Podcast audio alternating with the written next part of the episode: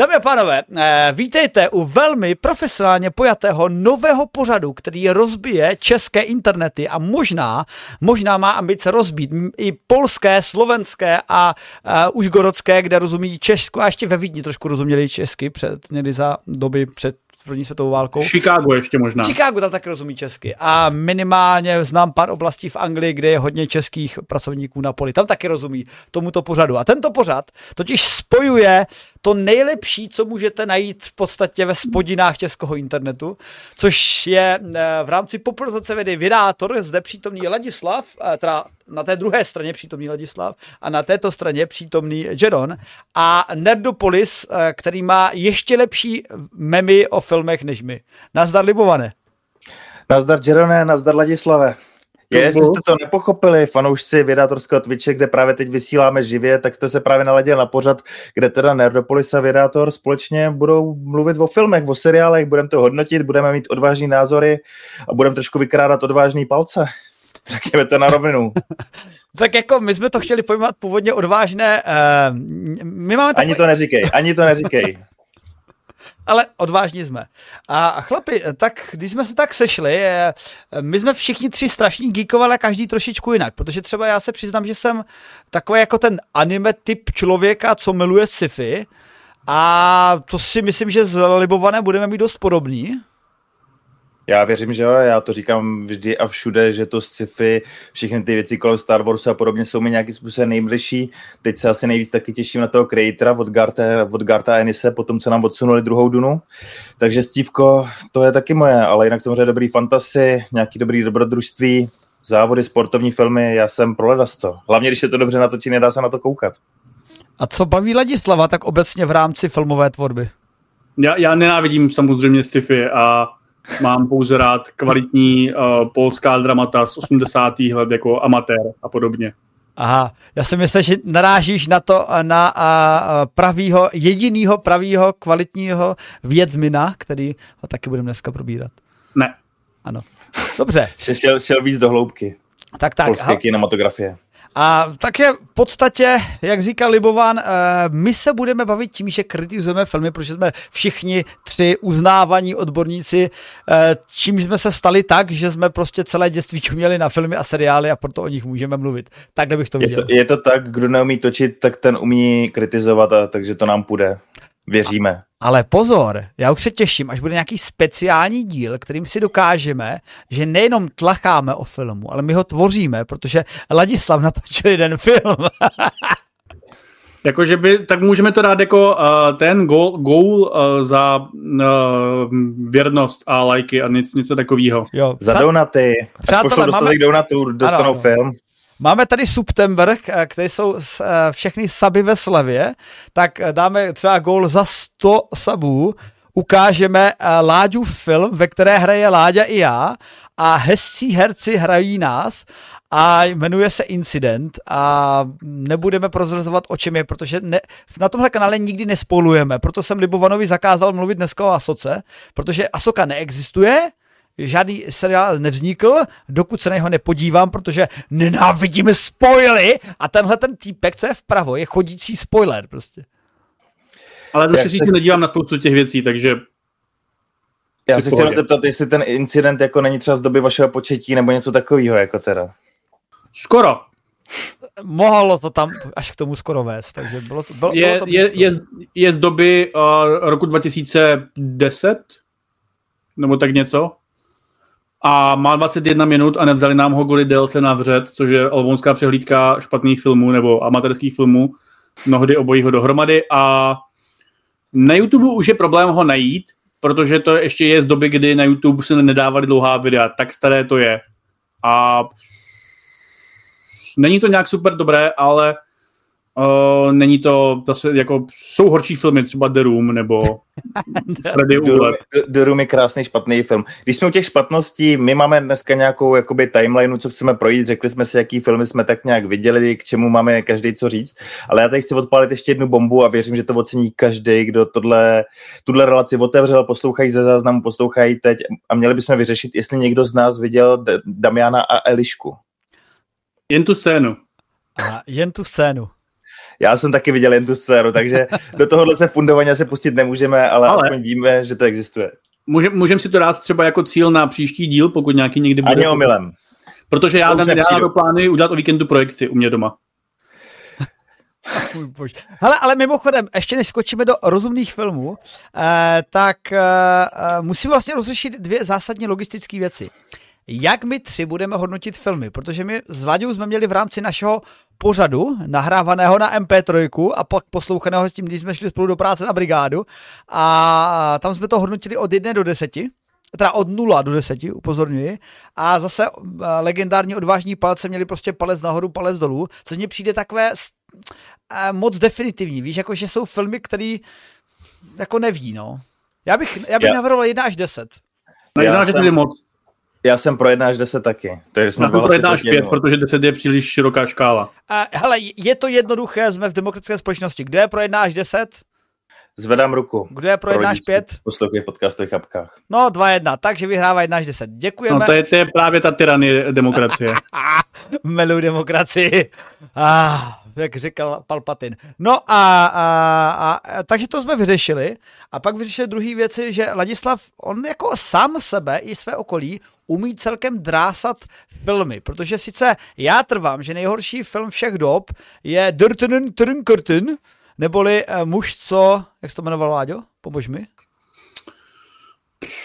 No, jsou to známé jako turecké války, ale myslím, že to je něco, to jsi překvapil, ten turecký přesně název, Jsou jako to si hlavy turecké hvězdné války, kde se nepočítalo s tím, že bude existovat internet a lidi se budou moci dohledat.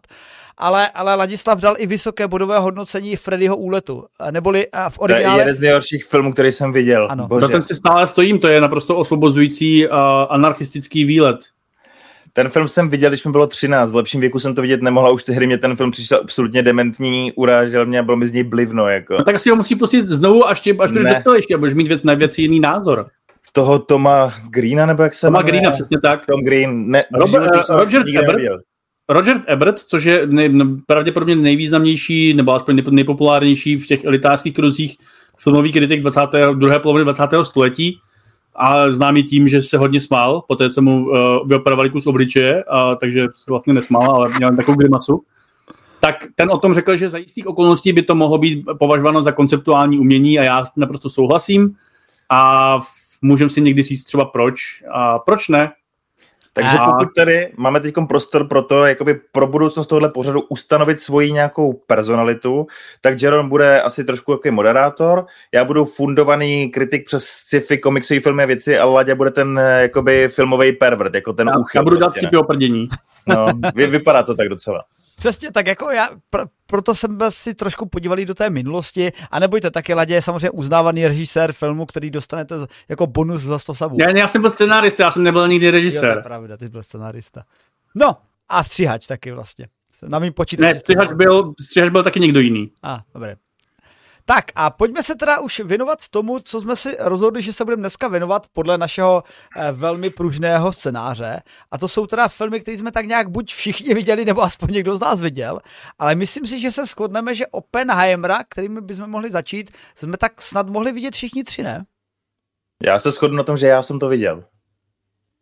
Já jsem to taky viděl a možná právě až moc jsem to viděl. Tak to bude zajímavý. Řekněme si jakoby na férovku, který jiný film jsme mohli v, v prvním pořadu vlastně, nebo v prvním dílu pořadu Nerdátor versus popkultura prostě otevřít. Jakoby. Oppenheimer je taková synteze toho, co my geekové milujeme. Je to prostě cinefilní stvárnění eh, nějakého velkého příběhu, který je prostě precizně vykonstruovaný tím kinematografickým jazykem prostě v těch úžasných rukou Christophera Nolana a zároveň tam prostě to vědecký téma, takže já jsem zvědavý, co na to řeknou vědátoří hlavy teda. Vládě, dávám ti prostor. A mezi tím zkontroluju synka, je proč tam řve vzadu. A, zase, zase vymlouváš z toho. Uh, mně se to líbilo, ale vlastně si nejsem úplně, jako, uh, je to film, na tom se určitě můžeme zhodnout a uh, je, je, to, je to strašně dlouhý a mám takový den, že v tak tři, tři čtvrtinách to hodně, to, to poněkud hapruje. Úplně chápu, proč to natočil, jak to natočil a nicméně mm, intimní nahlížení do uh, politických machinací uh, v konce 50. let nebyla zrovna ta část, která úplně mě brala za srdíčko či jakékoliv jiné orgány. A mm, za, to mě jako, za, to jsem jako měl trochu problém uh, vizuální asi jenom první hodinu toho filmu s tím gigantickým IMAXem, zvláště protože jsem přijal to, to memeovské, že musím jít do těch prvních řad, takže jsem se na to opravdu autenticky díval z druhé řady IMAXu uh, na Floře v Praze, což je takový jedno z těch, údajně jedno z těch mála kin, které opravdu ukazuje tu Nolanovou vizi a pokud Nolanova vize byla, aby všichni vypadali jako obři, tak se mu výborně podařila. Trvalo mi, říkám, asi jako hodinu, než jako jsem pochopil, že takhle se dívat na film ze strany na stranu uh, je teda záměr, pokud jste v té druhé řadě a uh, před výbuchem atomové bomby jsem si nasadil reálně sluneční brýle a musím říct, že to byl trochu let down. Nicméně mm, jako poslouchám od té doby soundtrack, takže asi to je dobré. Hele, já ti chci pogratulovat v první řadě, že se ti podařilo dostat do toho IMAXu. Já jsem tam na to vyprodaný kino smutně koukal dva týdny, než jsem to vzdal, respektive vzdali a šli jsme s přítelkyní do naprosto běžného Cinema City nebo Cinestaru do jednoho z obyčejných sálů. Nevím, proč teď ty značky se zmiňují, protože nás zatím nesponzorují, tak když to, by to poslouchal někdo z managementu těchto multikin, tak jsme tomu samozřejmě otevření. Dříve nebo později tohle budou sledovat desetitisíce lidí. A každopádně eh, chápu tvý výtky, protože to, co jsi říkal, taková ta, takový to zadrhnutí v těch 80% času, kde bylo potřeba dořešit uh, vlastně to, co tam na ně nějakým způsobem ušili, když si z něj udělali takového obětního beránka, kterého se snažili vláčet před těma soudama a on byl vlastně nějakou obětí z vůle nějakého uh, vlastně cílevědomého senátora, který nějakýma machinacema se na něm snažil udělat nějakou kariéru, tak to bylo jakoby vypravičky trošku zadrhnutý do té doby to byla vlastně dost fascinující, hlasitá a skutečně taková jakoby brutální vizuální vize, teda za mě jakoby prostě člověka, který to v hlavě neměl asi tak úplně normální, díky tomu viděl ty věci, které viděl a byl schopný dělat věci, které viděl. A to bylo zajímavé a intenzivní, to mě vždycky fascinuje. A Nolan jakoby umí s tou kamerou a ve finále potom tam právě staví ty otázky, ty odpovědnosti, tomu, jak si k tomu postavit a, a, a tak dále. Tři hodiny byly asi trošku moc, ale jakoby takový ten filmový opus to teda na mě fungovalo a rozhodně víc než Tenet třeba, který se mi jako by líbil, po covidovém hladu jsem ho v knihe si fakt užil, ale zpětně musím říct, že třeba po Interstellaru byl jako Tenet docela stručný jakoby propad, tak teď Oppenheimer mi zase připadá teda slušně vysoustružený kinematograficky a ty tři hodiny mě nějak netrápily. Močový měchýř mě netrápil, nepřesedil jsem si sedínku a fakt jsem jako se do toho dokázal ponořit a užít si to. Tyhle filmy mají pak problém v tom, že podle mě ten zážitek není replikovatelný doma žádný potom HBO Maxi prostě projekce asi už nebudou takový, jako bylo to kino. Což no. třeba zase u takového počátku dokonalého triku prostě u Nolana, jako si vychutnám vždycky z hlediska nějaký ty výstavby toho příběhu takovýhle film znovu a znovu. Oppenheimer bude možná takováhle kinematografická jednohubka.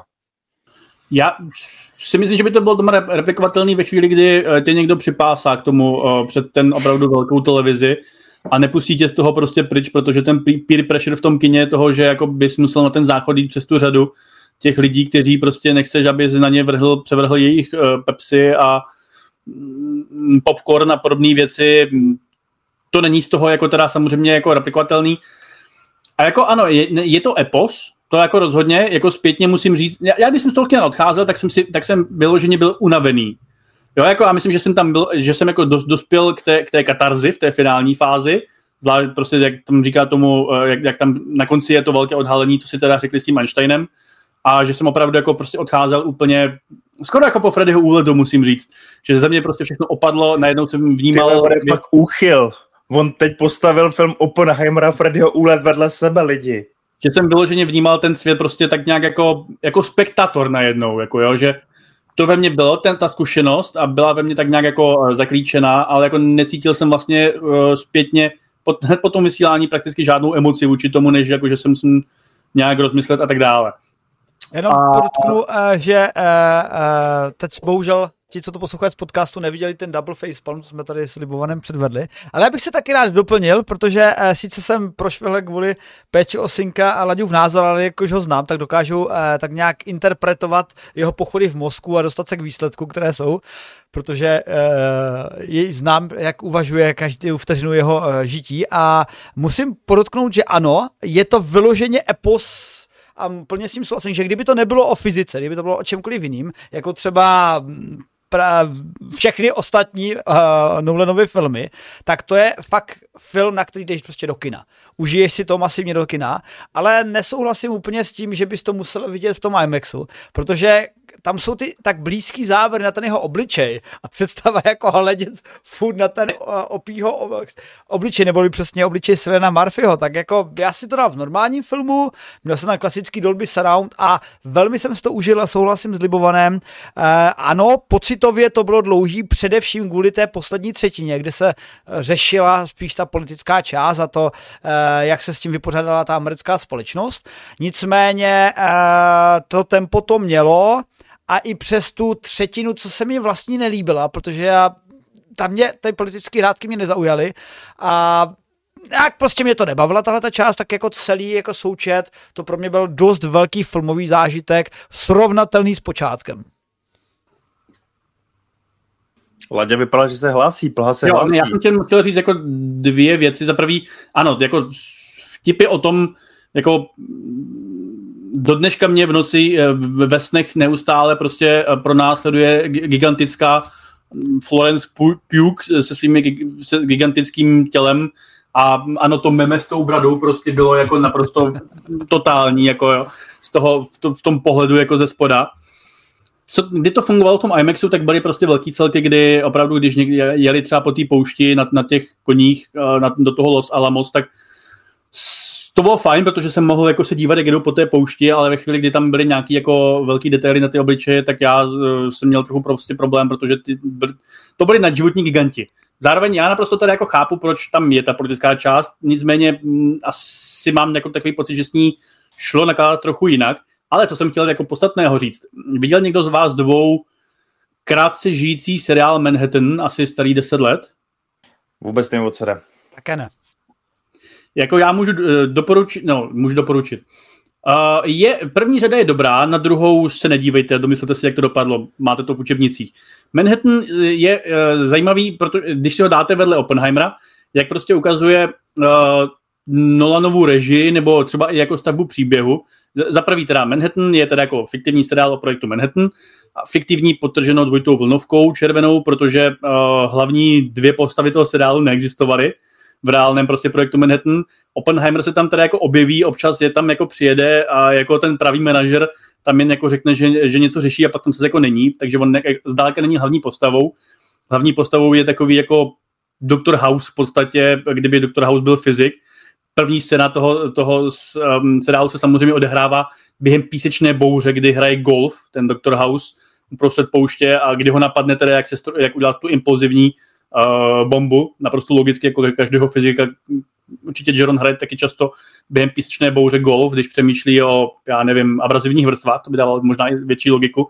A Uh, je, je to prostě jako zajímavý v tom, jak to, uh, jak jsou dvě fiktivní díla, no, fikční díla, které nějakým způsobem berou ten projekt Manhattan jako to hlavní gro a jsou jako hodně odlišný a je teda jako vtipný, vtipná taková, vtipný takový jako fakt, nebo fun fact, ten člověk, který, u kterého se ukáže, že je špion v Oppenheimerovi, tak ho hraje stejný herec, který v, Oppenheimer, který v Manhattanu hrál uh, taky špiona, takže uh, já mu gratuluji k tomuto kariérnímu záseku, že uh, již nyní bude asi navždycky hrát sovětské špiony v amerických jaderných programech, protože um, asi na to má ten obličej. Já jsem v návaznosti na to, co jste, myslím, že to řekl Ladislav, chtěl jakoby vyřešit jednu velkou otázku. My jsme ji řešili s Honzíkem v jednom dávném podcastu, kdy jsem ještě Honzíka občas taky přesvědčil, že by za Nerdopolis někde mohl něco říct. Uh, a to, jak vyslovujete jméno Florence Puch. Ty jsi řekl teda Puk. Jaký jsou vaše interpretace jejího nevyslovitelného příjmení? No Puk. Puk? Jako určitě na to bude někde na internetu správná výslovnost, ale já jsem byl příliš líný si Puch. Já jako okar ze Slovácka a bych používal puch, ale tak jako na druhou stranu předpokládám, že angličani to vy, říkají jinak, no. Asi jo. Va, uh, ona myslím, to... není angličanka, ne? Ona myslím nějaká jako uh, seveřanka. Netuším. Pio, to příčte. Jak? Pio. Pio. Počkej, to já si to... A to je 30 sekundové video. Uh, no, podle fonetického přepisu se to píše bio. Zajímavý, to bych si v životě netypnul. Hele, ale v rámci toho kinematografického zážitku prostě takový ty věci, jako i ta syntéza, ten mix toho zvuku je prostě v tom kině neuvěřitelný a třeba nebudu si říkat velký spoiler, když ta bomba bouchne, no tak to je neuvěřitelný a musím se přiznat, že to je, jak to tam jakoby štelovali a vůbec teď nevím, jestli je to fyzikálně správně, jak to tam jakoby drželi, drželi a pak to až teprve přišlo. Přikivujete, tak je to fajn, tak no, pak to bylo teda jako, takhle. jako fyzicky docela slušný zážitek. Jako. jako fyzikálně to jako nebylo špatný. Tam samozřejmě je záblesk a po něm přijde až vlna. E, při té vzdálenosti, kde byli, já jsem to teda nepočítal, ale přišlo mi, že to trošičku možná protáhli ten moment pro f- eh, filmové potřeby. Že by to, Drama že by to bylo asi rychlejší, ale uh, musím říct, že mě trošičku přišlo jak taková jako falešná reklama, že všude, kdy se propagoval Oppenheimer, to bylo o tom výbuchu, o tom momentu výbuchu, který pak v tom samotném filmu byl epický, byl vlastně, jak, jak říká ten režisér, ten zrádný režisér zvědných válek, byla tam zcela převrácená to očekávání, že místo, aby to bylo jako velkolepý hlasitý. Ryan Johnson, jako. Ano, nebo... přesně, Ryan Johnson, jak, jak říká to své metoda, zrady na diváka nebo převrácení expectation, No prostě chtějí převrátit očekávání. No, tak, eh, tak vlastně najednou ve filmu se na to díváš a neslyšíš nic, je tam totální ticho a pak samozřejmě slyšíš po té tlakové vlně a, a, a je to jako relativně rychlý. Takže já totiž mám pocit, že jsem se díval na tři hodiny politického dramatu s pěknými záběry a pak tam bouchla praskavka, ale že to bylo jako, že bych spíš preferoval, kdyby tam třeba bouchly tři, víš, jako, aby to tam, aby to mělo víc, víc výbuchů, tak trošičku. A tak no Nolan je taky známý tím, že jakoby divákovi tyhle věci nedá zadarmo, že v těch kampaních ho chce zavíst jakoby k nějakým očekáváním, v kinech ho vzít jakoby někam jinam, aby ho překvapil a že to bere jako nějaký vlastně i tu atrakci, která k tomu vlastně má celkovýmu zážitku přispívat, že tě to vlastně nedá ani zadarmo a že tě třeba jakoby překvapí. Dokonalý trik, jakoby třeba plot twistem mě fascinuje do dneška, i přestože už vím, jak to funguje, tak stejně jsem prostě z toho, jak tam ty vrstvy příběhy odloupnou jako nadšený. A dělal to vždycky. Ani Dunkirk nebyl schopný poskládat jakoby normálně lineárně a musel být taky takový jakoby zvláštní, že tam byla no. hodina příběhu, uh, den příběhu a týden příběhu, nebo jak to tam tehdy bylo a nějak se to tam přelejvalo přes sebe, že jo. Jo, to je jako musí být zajímavý, když Nolan píše nákupní seznam jako pro svou manželku nebo něco takového, jako, nebo třeba pro děti nebo manžela, whatever. Tak jakože uh, začne od konce, já nevím, pak až ten člověk je v, té, v, té, v, té, v tom obchodě, tak mu zavolá prostřední část a pak až přijde domů, tak mu řekne první část nebo něco takového. Já mě, mě teda jako mě napadlo, že by mohlo být zajímavý si to komparativně v IMAXu pustit uh, vlákna nebo den poté, myslím ten starý den poté. Kde ty jako výbuchy byly, jakože do nějaký, já nevím, jestli, jak moc jste viděli vlákna nebo den poté, Jestli se bavíme o tom, že nějaký den poté jiný než natočil Emerich, tak teda vůbec. Jako. Ne, tak já jsem jako velký úchyl na, jaderné, uh, na jadernou to jsme válku. se shodli, že jsi velký úchyl, ano. Na jadernou válku jsem chtěl uh, zmínit. A jako za prvý, pokud vám přišlo, že uh, jste viděli příliš málo um, spálených lidí v Oppenheimerovi a příliš málo nemocí z ozáření a příliš... A, ale tak nějak jako v reálu, jak si skončí ten film tím, že bouchnou tři bomby, z toho jednu uvidíme a o těch dalších dvou se povídá, tak jako, a že vám to přijde málo a že byste chtěli vidět, co ten film na konci slibuje, to zničení toho světa, tak mohu doporučit starý uh, britský film z 80. let. Vlákna. 1983, uh, Day After, americký film. Jo, a Day, ale Day After je takový už trošku jako o, vylouhovaný, Vlákna jsou teda ještě o něco britsky drsnější, kdy jak si oba ty filmy ukazují uh, jadernou válku, nebo aspoň tehdejší jako vize, a samozřejmě nemají teda, Jeron mimochodem určitě viděl vlákna na Podkově za, za mých starých časů, ale už to zapomněl samozřejmě pravděpodobně. Já si vůbec nepamatuju, že jsem něco takového v životě viděl. Ano, určitě jsem vám to pouštěl tehdy. A mm, jako zvláště, zvláště, zvláště vlákna jsou jako super, protože to je takový jako pol dokument, když tam máte ty, eh, když, když tam ta bomba vybuchuje, tak tam, je, tak tam běhají takové texty, kdy se píše, kolik právě eh, bouchlo bomb všude jinde a kolik, co se vlastně jako děje ve světě a je to takový jako víc infografičtější v podstatě, ale pak tam teda jako samozřejmě, ale ten film končí 20 let po té válce uh, se vším nehezkým, co k tomu patří a um, včetně potratů a nemocí z uzáření a lidí, kteří mají katarakt, jak se to řekne česky, prostě blbě vidí jako z toho, z, z ozonové, z ultrafilového záření, protože ty bomby samozřejmě odvanou nějakým způsobem i značnou část ozonové vrstvy. A je to takový jako hodně, hodně milý film pro rodinu, pokud nemáte rádi svoji rodinu třeba, tak to mohu doporučit a den poté jako taky není úplně, ten starý taky není úplně jako uh, marný. Já mám rád ale... ten novej, tam se uteklo před vlastně zimní bouří, která najednou zamrzá celý svět prostě na to, tak se tam uteklo před tímhle zamrzáním, zavřením dveří a roztopením ohníčku, jako to je no tak úžasný jako filmový jako moment, na který si jako pořád pamatuju. Tě. Popři, že to nejde. No ne, jenom jako teda jsou, uh, subžánr filmu Jaderné válce je velmi jako příjemný a uh, aspoň teda pro mě a uh, top, co, pokud byste chtěli více téhož, jako je Oppenheimer, a ne nutně z hlediska biografie slavných věců, ale z hlediska um, jaderných bomb, tak vlákna jsou rozhodně Myslím, že to je snad jako na Vimeo nebo není ničím takovým jako skoro pololegálně jako uh, nakoukání v nějaké mizerné kvalitě, ale ono to tehdy taky natáčeli asi úplně jako ve Full HD, když to je původně televizní film a je to, je to fajn a mm, mohu doporučit. Hele, když to ještě vrátím k OPímu, který by se možná už mohli pomalu uzavřít, tak z takový té složky, aby jsme jako působili jako fundovaní kritici, jsme se vůbec nevěnovali hereckým výkonům, což je něco, na čem si Nolan vždycky zakládá a zakládal, takže tam vybral podle mě silnou skvadro. Je tam Murphy, je tam Emily Blunt, která třeba spoustu lidí už irituje, ale podle mě to je kvalitní herečka. Florence Puch, Pio, Puk, jo, takže budoucí hvězda i do těch jako vedlejších piu. rolí, no, Piu Piu, uh, Kenneth Branach, tam vlastně hrál Nilse Bora, tyhle ty zajímaví lidi, takže jako by tam zajímavý Josh Hartnett v roli, ve kterého ne každý poznal. Honzík potom nevěřil vlastně očím u nás na Neropolis, když jsem dělal nějaký mem, že vlastně to byl Josh Hartnett, jako já ho vůbec nepoznal ani. Jako ten jeho nadřízený vědec? Uh, naopak podřízený ten, co se s ním potkal na univerzitě, co ho pak jakoby se snažil odtáhnout od toho no. spolčování s komunistickou stranou a říkal mu, na tyhle věci se vyser, dělejte si svůj radši výzkum a, a neblbně si nezaděláš na problémy. Takový ten no. vytáhlý týpek. No, no, no, já si myslím, že to byl nadřízený, ale tak prostě kolega na univerzitě. Kolega. No tak ale herecky je to koncert, to je jakoby fajn, jestli takovýhle věci si umíte vychutnávat. A naopak, když tam máte to Siliena, Kiliena, takhle, tak si můžete vychutnávat tu úžasnou hereckou mimiku a on jak vyhubl a měl ty lícní kosti taky vyražený, tak působil jako hrající kostra úplně jako v podstatě strašně famózně, jakoby já ho miluju jako samozřejmě Tommyho z Peaky Blinders, tak to bylo zase zajímavý po další době si ho vychutnat v jiný roli zase aspoň. Jo, já, tak, já taky miluju Tommyho Viseu, ale ne, já nebudu hodnotit herecké výkony, protože to je vždycky uh, mm, závislí na režisérovi hlavně. Jakože vždycky, když je nějaký film, ve kterém hraje herec a uh, ukazuje špatné výkony, tak to typicky znamená, že má špatný, že režisér stojí za starou bačkoru.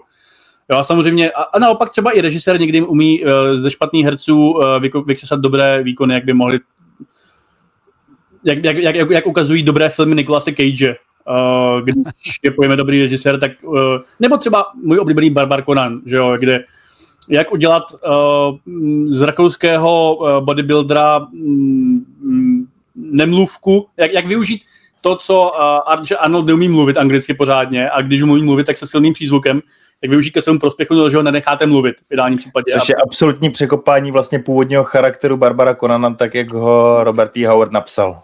To je možný, ale kdo četl Howarda? Krom tebe.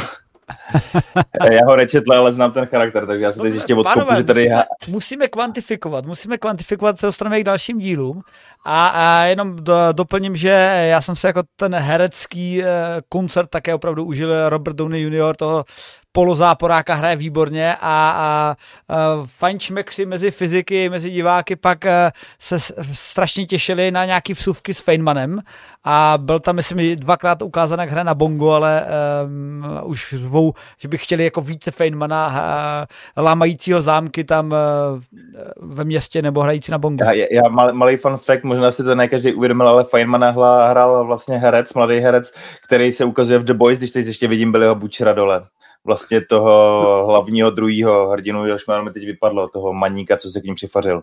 Mm-hmm. Uh, no, hraje ho Jack Wade, ale tak, tak nepamatuju, jak se jmenuje. Uh, Stu, Stewie, ne, nějak tak, ne, no. nějak někdy takový rostomilý jméno. Uh, Huey. Huey, ale taky pozor, Huey. ten hraje uh, ve Strange New Worlds. Tak k tomu se dostaneme později, nepředbíhej. Každopádně, tak... dostáváme se tedy k kvantifikaci a já, já bych naším naprosto přesným kvantifikačním metrem teď dal Oppenheimerovi za sebe v kontextu zážitku v kině. Můžeme dát půl body nebo dát celý?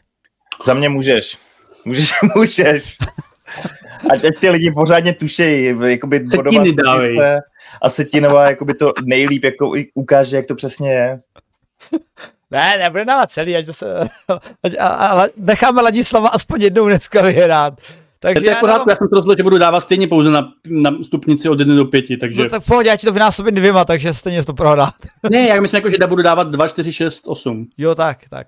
No tak v tom případě já dávám opímu a kvůli té politické části, která mě zase nebavila, ale jinak to bylo jako fakt opus, tak um, no, já dám 9.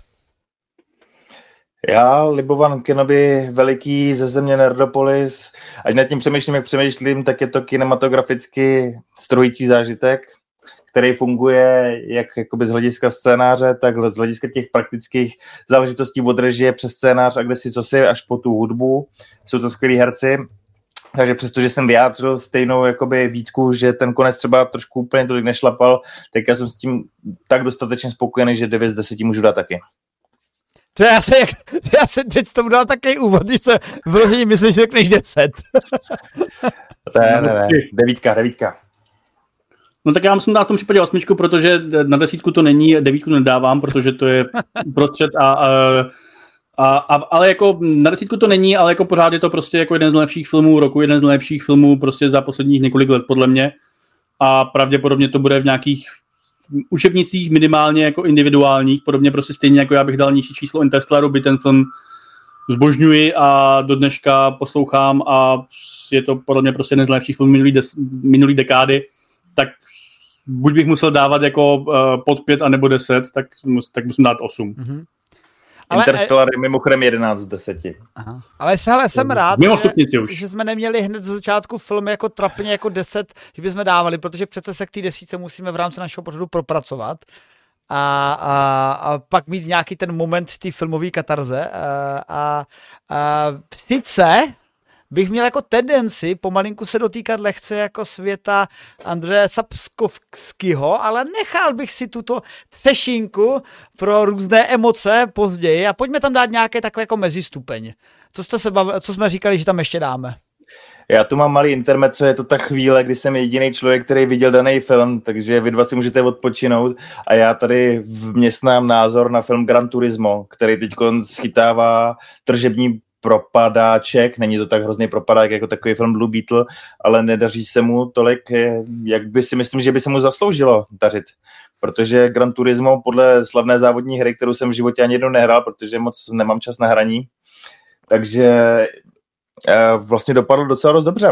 A jako člověk, který to vlastně nehrál, a měl jsem kamaráda, který to hrál a tomu svítily oči úplně totálně, musím říct, že je to strašně vlastně fine underdog story, sportovní film, závodník, který asi nedosahuje takových kvalit, asi určitě jako byly třeba rivalové nebo Le Mans 66, ale je to vlastně skvělá adrenalinová závodní jízda, která je díky tomu, že to točil Neil Blomkamp, který si pamatujeme možná ještě jako nadějného talentovaného režiséra District 9, Alicia, uh, tak uh, jako má, má to vlastně grády, má to koule a v takový tý běžný filmové rovině toho scénáře a příběhu to funguje vlastně strašně pateticky, ale vlastně přesně. A já to nedokážu říct jinak, než takhle, jako že to fakt jako do toho srdíčka šlo.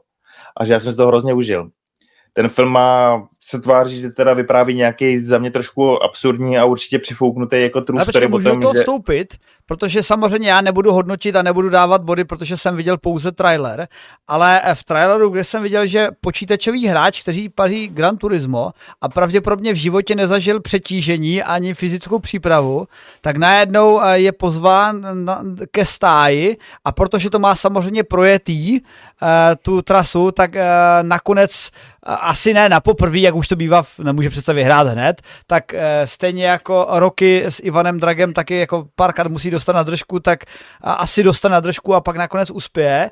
V tomhle bodě se nebojím sám pro sebe spojovat, protože ten film asi nikdy neuvidím. A já za sebe dodám teda, já jsem závodní hry hrál. Hrál jsem, Gran Turismo jsem taky hrál v minulosti, hrál jsem i mm, taky ty nej, nejpoužívanější, nejhranější značky současnosti, jako je Forza Horizon, potažmo F1, kde moje hlavní taktika byla otočit formuly opačně, zlikvidovat soupeře a dojet jako poslední, čímž jsem vždycky vyhrál každou velkou cenu. A, a, tak přemýšlím jako, a, a, jestli e, tato moje taktika nebo film Gran Turismo má blíže realitě. Film Gran Turismo se tváří, že má blíže k realitě, protože, jak už jsem se nadechoval, že řeknu, vypráví to trošku jako za mě asi uh, trošku absurdně neuvěřitelný příběh, ale údajně v základu fakt jakoby pravdivý o tom, že jeden čas nějaký promotér, který teda hraje ve filmu Orlando Bloom docela fajnově, vymyslel, že pro Nissan a i pro zviditelnění té značky Gran Turismo jako marketák uh, vlastně ukážou, že dokážou dostat fakt od počítačů, od těch simulátorů, teda lidi do závodního auta, něco s něho předvedou pokud můžu říct něco, jakoby fun fact z té skutečnosti, tak ten týpek, který je teda ve filmu jako hlavní hrdina, nakonec zešel z nějaký třetí líhně, takže oni to tam jako teda to tam přesně zkracují, to tam není. Jo, tam to funguje. Já chci jezdit počítačové hry, jednou budu jezdit opravdu autem, táto, ty mi nerozumíš, protože táta chce, aby se na ten počítač vysral, abys dělat něco normálního, třeba do kolbenky nebo něco takového. Um, tak jakoby jsou tam tyhle ty věci, až pak jednou mu tam jako blikne, hele, ty viděli jsme tady tvůj čas a člověk, který zajel tenhle čas je pozvaný na speciální závod, který když vyhraje, tak možná skočíš v nějaký Gran Turismo Akademii, kde tě naučíme skutečně řídit auto. No ale fakt se to jako stalo, ten týpek, já jsem to pak četl doopravdy z téhle Gran Turismo nějaký uh, akademie vzešel a skutečně pak jako jezdil na okruhu, získal FIA licence, naučili ho to a reálně to není tak, že by ho posadili eh, od počítače do auta, ale doopravdy najeli nějaký šéf inženýry a jakoby protáhli je fyzickým drillem a naučili jezdit, jezdit na okruhu, než je potom posadili jakoby do skutečného nějakého závodního dění, který si zkoušeli mezi sebou. No a jakoby ten týpek jakoby neskončil u toho, že jenom se naučil tak nějak jezdit, ale jako zažil i nějaký úspěchy, což právě nechci úplně vyspoilerovat vůči těm, kteří by to chtěli vidět, aby si to trošku užili a jakoby v zásadě, jak říkám, je to fakt příběh jakoby člověka, který mu nikdo nevěří a on to strašně záhadně samozřejmě dokáže a převrátit to všechno. Jsou tam takový tři otcovské figury, ten jeho skutečný otec, který mu teda nevěří a musí pochopit ten jeho koníček, že mu skutečně nakonec přinese nějaký jakoby poslání, nějaký zaměstnání a tak dále pak je tam postava toho promotéra, který samozřejmě chce především uh, udělat pořádnou kampaň a jakoby dostat poplácení od těch šéfů z toho Nissanu a Gran Turisma, že to dobře vymyslel, ale v zásadě se pak taky o ně nějak stará. A pak jako vlastně nejotcovštější postavu tam stvárně David Harbour ze, Strange, uh, ze Stranger Things, známý, který tam je ten šéf inženýr, který nejdřív do těch lidí, i přestože tu práci přijel jako kope a říká, vlastně, jste jenom blbci od počítačů, jako vy se tady z těch spíš zabijete a teď budu hlížet na to, abyste se aspoň nezabili, jako, a prostě zkusím jako z vás něco aspoň dostat, až pak samozřejmě propadne do toho, že uvěří a strašně tohohle Jana, toho hlavního hrdinu začne podporovat a tam to prostě zapadá. Já jsem v těch věci strašná sračka, brečka, jako na mě to pak už fungovalo a prostě už seděl jenom v tom kině a prostě jsem říkal, jeď, ty jeď, jsem to na tři, jako, prosím tě. Takže přesně, jak ty říkáš, nějaký roky, když už tam prostě ho Drago pětkrát sejme, jsou tam taky vyprofilovaný takovýhle nějaký antagonisti, zlej závodník, který prostě si myslí, že tam nepatří, takže proti němu jezdí agresivně, když se přiblíží, tak jako by se mu spíš škodí. Je tam pro nás Čechy strašně zábavný jménem závodník, který se jmenuje Šulin, takže to je úplně super, jako slyšíš prostě Šulin se na něj dotahuje, Šulin za jeho zády a podobně, tak, tak to je jako super ale jakoby v zásadě jako sportovní film to funguje. Funguje to jako perfektní reklama na Gran Turismo, jako a v zásadě to funguje jako film, jako prostě film, který má nějaký, nějakou jakoby akční dramatický oblouk, tak to dokáže člověka napnout, dokáže to do toho zatáhnout a fakt jako byl jsem se slovenským kamarádem, který teda Gran Turismo strašně hrával, tak se na furt obracel a tady to je ten týpek, co to celý vymyslel, co to chtěl mít takový super realisticky, aby to fungovalo. Super, super. No a on fakt to takhle zajel potom, takže měl nějaký věci jako v hlavě a pak odchází povídá, to byl popiči film, to, to mi odjebalo dekel, já měl zimomriavky po celou dobu, to bylo super. Tě, jako. Takže to je takový i hodnocení toho filmu, který bych asi takhle jako i schrnul, protože to je to, je to fakt super film, já si myslím, že by ho mělo vidět víc lidí v kině. Zase jako myslím si, že na té televizi to bude fajn si k tomu sednout, trošku se tím nechat poletit, ale je to fakt dobře nasnímaný. Ten Blomkamp jako by to furt v ruce má, jsou tam nálety vrtulníků, jsou tam takový gamifikační prvky, že třeba on, když jde skutečný závod, tak to tam pak jakoby přepínají, že jako kdyby byl v simulátoru, když je v simulátoru, tak zase ukazuje, jak to bude vypadat v autě, tak je to takový hezky vizuálně celkem udělaný. A je to strašně sympatický vlastně. Fakt jsem strašně rád, že jsem se na to dokopal, do toho kina šel. Takže uh, vzhledem k tomu, že k tomu nemáte asi moc co říct, tak jestli nemáte dotazy jako nějaký. Ne, hele, já bych naopak dal třeba uh, fun fact, že jak si o tom povídal, o té nepravděpodobném scénáři, tak já jsem si vlastně uvědomoval, že tyhle věci můžou být jako relativně blízko realitě, protože uh, nedávno se poslouchal rozhovor uh, našeho kamoše Martina Roty, který uh, je také znám tím, že kromě toho, že streamuje a, je tělesně postižený, který vylezl Kilimanjaro, tak je především tělesně postižený, který vylezl Kilimanjaro a povídal, jak se k tomu vlastně dostal a že to prostě jednou Eh, že se mu zdal sen, že vyleze v tom snu nahoru, která má nějakou výšku, úplně jako pitomost, a pak si zjistil podle internetu, že ta výška odpovídá zhruba plus minus Kilimanjaro. Říkal, OK, tak vlezu Kilimanjaro. Ale jako to mi přijde tak jako stejně nerealistická motivace, a, která nakonec vyšla, ale když zůstaneme u těch um, motosportů, tak nemusíme daleko, můžeme jít rovnou ke mně, protože já mám naprosto nerealistický a uh,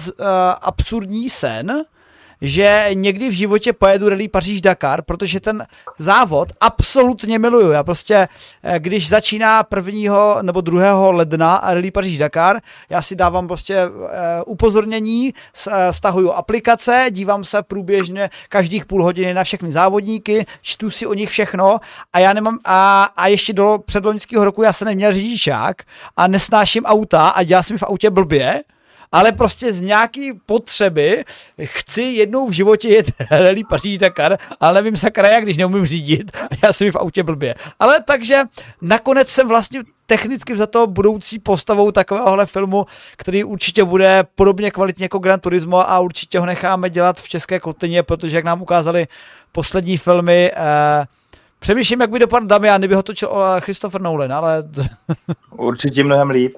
Každopádně, pokud to zmiňuješ takhle, tak jako je to ten typ filmu, který tě na dva dny nechá věřit, že přesně se může stát cokoliv, že nevím, na zemi najdeš zlatý lístek do Karlíkovy továrny a pak tě tam zaměstná, že když si zajedeš na let tamhle, nevím, třeba s Radkou Gudasem, tak nikomu řekne, hele, ten kluk má talent, tak ho naučíme hrát hokej a příští rok s ním vyhrají Stanley Cup. Já, je, tak přesně v takovýhle jako samozřejmě nej, nej, Teď si prozradil, na co čekám celý život. no, takže je to takový ten feel good film, který tě jako donutí na den věřit to, že když jsi zalezli v nějakým korporátu, v nějaký díře, tak vlastně vždycky máš šanci nějak vylíst a být ten největší winner prostě, co si splní nějaký svůj sen ukrytý, který třeba s každým ani úplně nezdílíš, takže v tomhle ohledu je to strašně pozitivní vlastně. Hele, ale zatímco, to... zatímco jsi popisoval uh, Gran Turismo, tak samozřejmě, protože tohle je náš první díl a vlastně ten koncept se nám vyvíjí naprosto organicky každou minutou, tak jsem dostal nápad, kromě toho, že uh, uh, Laďa ví, na co je odkazu, že jak budeme dávat to bodové hodnocení, tak já bych pak vždycky udělal nějaký jako průměr, ale nějaké naprosto uh, jednoznačné hodnocení těch filmů, protože jako přiznejme si, že v současnosti svět určuje kvalitu filmu pomocí buď Rotten Tomatoes nebo ČSFD, ale všichni tři víme, že brzy to prostě bude naše vlastní hodnocení, které se bude potom Určitě. objevovat v těch, v těch, film, v těch filmech jako a Christopher Nolan a člověk, který dostal od těchto tří takovéhle body. A řekl jsem si, že bych to zalgamifikoval trošičku, aby jsme vyrovnali stav, ve kterém eh, jeden z nás něco viděl a já nerad dělám průměr z jednoho čísla, tak tím vyzývám diváky a budu spoléhat na vaši eh, na vaše nepodvádění. Eh, na každý film, co dneska probereme, vždycky, když budeme dávat ty body, tak nám také napište body v hodnocení od 0 do 10. Uh, nejlépe, dobře, od 1 do 10, nebudeme dávat nuly, od 1 do 10. A, a no, dobře, necháme tam nulu pro speciální případy, jako až budeme recenzovat turecké hvězdné války, to si to zaslouží. Nebo Freddy Houlet. Nebo Freddy Houlet, ať, ať si tam ta desítka a nula jako tak pěkně jako srovnají na tu, na tu pět. Přesně tak. No, no. No, takže uh, poprosím diváky, kteří viděli film Oppenheimer, ať dají své hodnocení. Eh, nepište tam lidi, co jste jenom viděli trailer, nebo co máte pocit, že na to máte velmi svůj silný názor. Pište to, zkuste to napsat fakt všichni, co jste to viděli. Já jsem si na to mezi tím vytvořil Excel, můj milovaný nový, takže to tam budu vždycky zapisovat. A pak uh, na konci uh, Nerd našeho povídání si řekne výsledky. Takže napište do chatu poznámku Oppenheimer a číslo z deseti a jak to tam napíšete, tak můžete rovnou napsat, ti, co viděli Gran Turismo, uh, váš názor na Gran Turismo. A budeme dělat průměr z diváckých bodů, což bude náš čtvrtý recenzent vlastně. Tak to řekl krásně, líbí se mi, jak si do toho teda diváky zapojil. Ty, co to teď poslouchají ze záznamu, mají smůlu, hoďte nám dále dokumentu taky, aspoň uvidíme, jakoby, je, co jste si mysleli. Já věřím, že na Oppenheimera by se tam něco setkat mohlo. Jak sleduju ten box office český, tak si myslím, že to Gran Turismo asi nebude mít teď moc bodů. Tak já tam hodím ten svůj bod a budu šokovat teď odbornou veřejnost i veřejnost všech diváků, protože já jsem si u nás na Nerdopolis už toho trošku vypsal, abych to trošku podpořil a třeba jsem na to nějaký lidi nalákal. Já jsem tomu dal překvapivě vysoký číslo, protože já tyhle ty filmy fakt mám rád, fakt jsem si sedl v tom kině, užil jsem si to, nechal jsem se nadspat do té sedačky, byl jsem poprvé ve 4DX, takže to bylo fakt těžký být nadspaný v té sedačce, která se tě snaží furt vyhodit a jako snažíš se usledovat něco a ono to s tebou hází, někde ti to fouká ucha, to je strašná píčovina mimochodem, jako na 4DX nechoďte. To no já jsem se chtěl zeptat, jaký, jaký to vlastně ne. je teda? Jako zážitek, nějaký kinematografický, to má absolutně nulovou přidanou hodnotu. Na začátku si člověk musí zvykat na to, že se chce dívat, takhle se předkloní a teď ho najednou něco šťouchá dozad a, nebo ti to předkloní, vyhodí. A jakože bych si připadal, že jsem v závodě, jako díky tomu, tak to fakt ne. No. Jako sedíš stejně třeba 30 metrů od plátna, tak jako žádná imerze se nekoná úplně velká. Teda. No, ale i přesto přeze všechno já jsem do toho zaplul. Fakt jsou tam fajnový herecký výkony všech těch tří zmíněných chlapů. Nevadil mi hlavní hrdina, který jako v té roli působil sympaticky, uvěřitelně. Je to dobře nasnímaný. Fakt jsem na konci už jako jenom takhle držel křičovitě ty palce a jako sice mě za to možná někdo může našknout, ale i na tom CSFR to svítí poměrně vysoký číslo, takže já za to, že dám nakonec 9 z 10 i tady se stydět nebudu. Je to úplně jiný typ filmu než Oppenheimer, zatímco u Oppenheimera cením prostě nějaký kinematografický atributy, nějaký přínos toho příběhu, že člověka nutí o něčem přemýšlet, o nějaké odpovědnosti za to, co my děláme, v jakých situacích, co děláme a podobně. A jo, a o tom, že samozřejmě celý svět je propletený, má nějaký konsekvence, tak Gran Turismo je skutečně skvělá kinematografická atrakce, která prostě fakt dokáže do těch žil prostě vlejt tu víru, že bude vždycky líp, jako, že vždycky bude prostě nějaký týpek, který se od počítače dostaneš do závodáku a bude se mu dařit. A já chci v takovéhle věci věřit rozhodně spíš v to, než že padne na nás další atomovka. 9 z 10 Gran Turismo. Hele, super, jako řek, uh, ty jsi to tak pěkně obhájil a, a líbí se mi, jak vlastně každý máme takový ty svoje speciální uh, díla, který uh, k nám promlouvají svým žánrem. Jako, hele, kdybych se tady hodnotili Mighty Ducks, tak jako, taky asi to není tak, úplně velkolepé dílo a já jim hodně. Ale, tak ty kráso, kdo by nedal Mighty Ducks hodně, jako. Dobře, a, a poprosím jako i film, divá... ve kterým je Bomba, jako co nejde jinak. Jako. Tak, tak. A poprosím i diváky, aby nám dali své eh, budové názory jednak na Oppenheimera a druhak na Gran Turismo. A, a tak co, zapl- jdeme do toho? Já, já jsem zvědavý na, na, na to, co nám dají za body teď na to další téma. Tam jsem hodně zvědavý. Tam tak, se doufám zapojí všichni. Tak jdem, hele, jdeme do zaklínače. Jdeme do zaklínače. Tak a teď, a teď hele, pravda, já vlastně ani nevím, co jdem recenzovat, protože určitě je, je hodno zmínit, že samozřejmě eh, svět zaklínače, eh, který přišel v knihách Andreje Savkovského, eh, poprvé byl do, řekněme, širší povědomí se dostala především díky počítačovým hrám, což předpokládám, že mnozí geekové a nerdové znají tu historku o tom, že Andrej tomu moc nevěřil, takže si se nechal vyplatit velmi levně, prostě jednorázově za práva na jeho knižní sérii a na Češ ty hry tak masivně uspěly, že si vlastně uvědomil, o kolik přišel a pak se s tvůrci tak trošičku soudil, což uh, zmiňuji nejenom, abych se mu jako vysmál, ale spíš paradoxně v následujících situacích, když se budeme bavit třeba o tom Netflixovském produktu. Uh, my, my, my jsme kdysi dělali v Nerdopolis investigativu a zjistili jsme přesně, protože máme takovou tu zlatou mušku, co se tehda v kanceláři CD Projekt Red dělo. Uh, tam se dělali teda ty manažeři téhle herní společnosti a povídají teda Andřej Sapkovskému, uh, takže chcete ty procenta z prodejů? A Andřej Sapkovský řekl ne a odešel samozřejmě. Takže takhle přesně to bylo. A pak samozřejmě tam situace o několik let později, kdy povídá, já jsem ale nevěděl, že to bude takhle dobrý, že to bude tolik vydělávat, takže, takže já je chci. A, a se to má asi dobrý teďko, no. no jasně, jasně. Ale pojďme se nejdřív teda přiznat k tomuhle, kdo jsme už tu třetí sérii viděl a neviděl. Já jsem ji totiž neviděl, takže to chci tady dropnout hnedka na začátku. Já jsem ji zatím odložil, protože se mi do ní nechce, což je součást toho, jak to můžu asi hodnotit. Já, já jsem ji taky neviděl, ale mám rád hodně první sérii a k druhé jsem poměrně ambivalentní.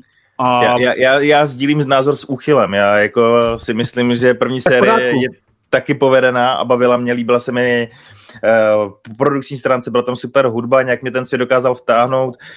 Prospělo tomu naopak to nelineární vyprávění, který člověka nutil přemýšlet, kdy se to asi tak odehrává. S tou druhou sérií to byl takový ten klasický úkrok už k tomu hollywoodskému produktu bylo vidět, že už i Siri je najednou, má vytrhaný v obočí, je nalíčená, je taky trapný, ten vlastně Joey Beatty, co hraje Marigolda, se jako celkem nabouchal, a, že to má taky i tyhle ty nešpary a myslím si, že těm showrunnerům v té druhé sérii už to vyprávění tak prostě nešlo.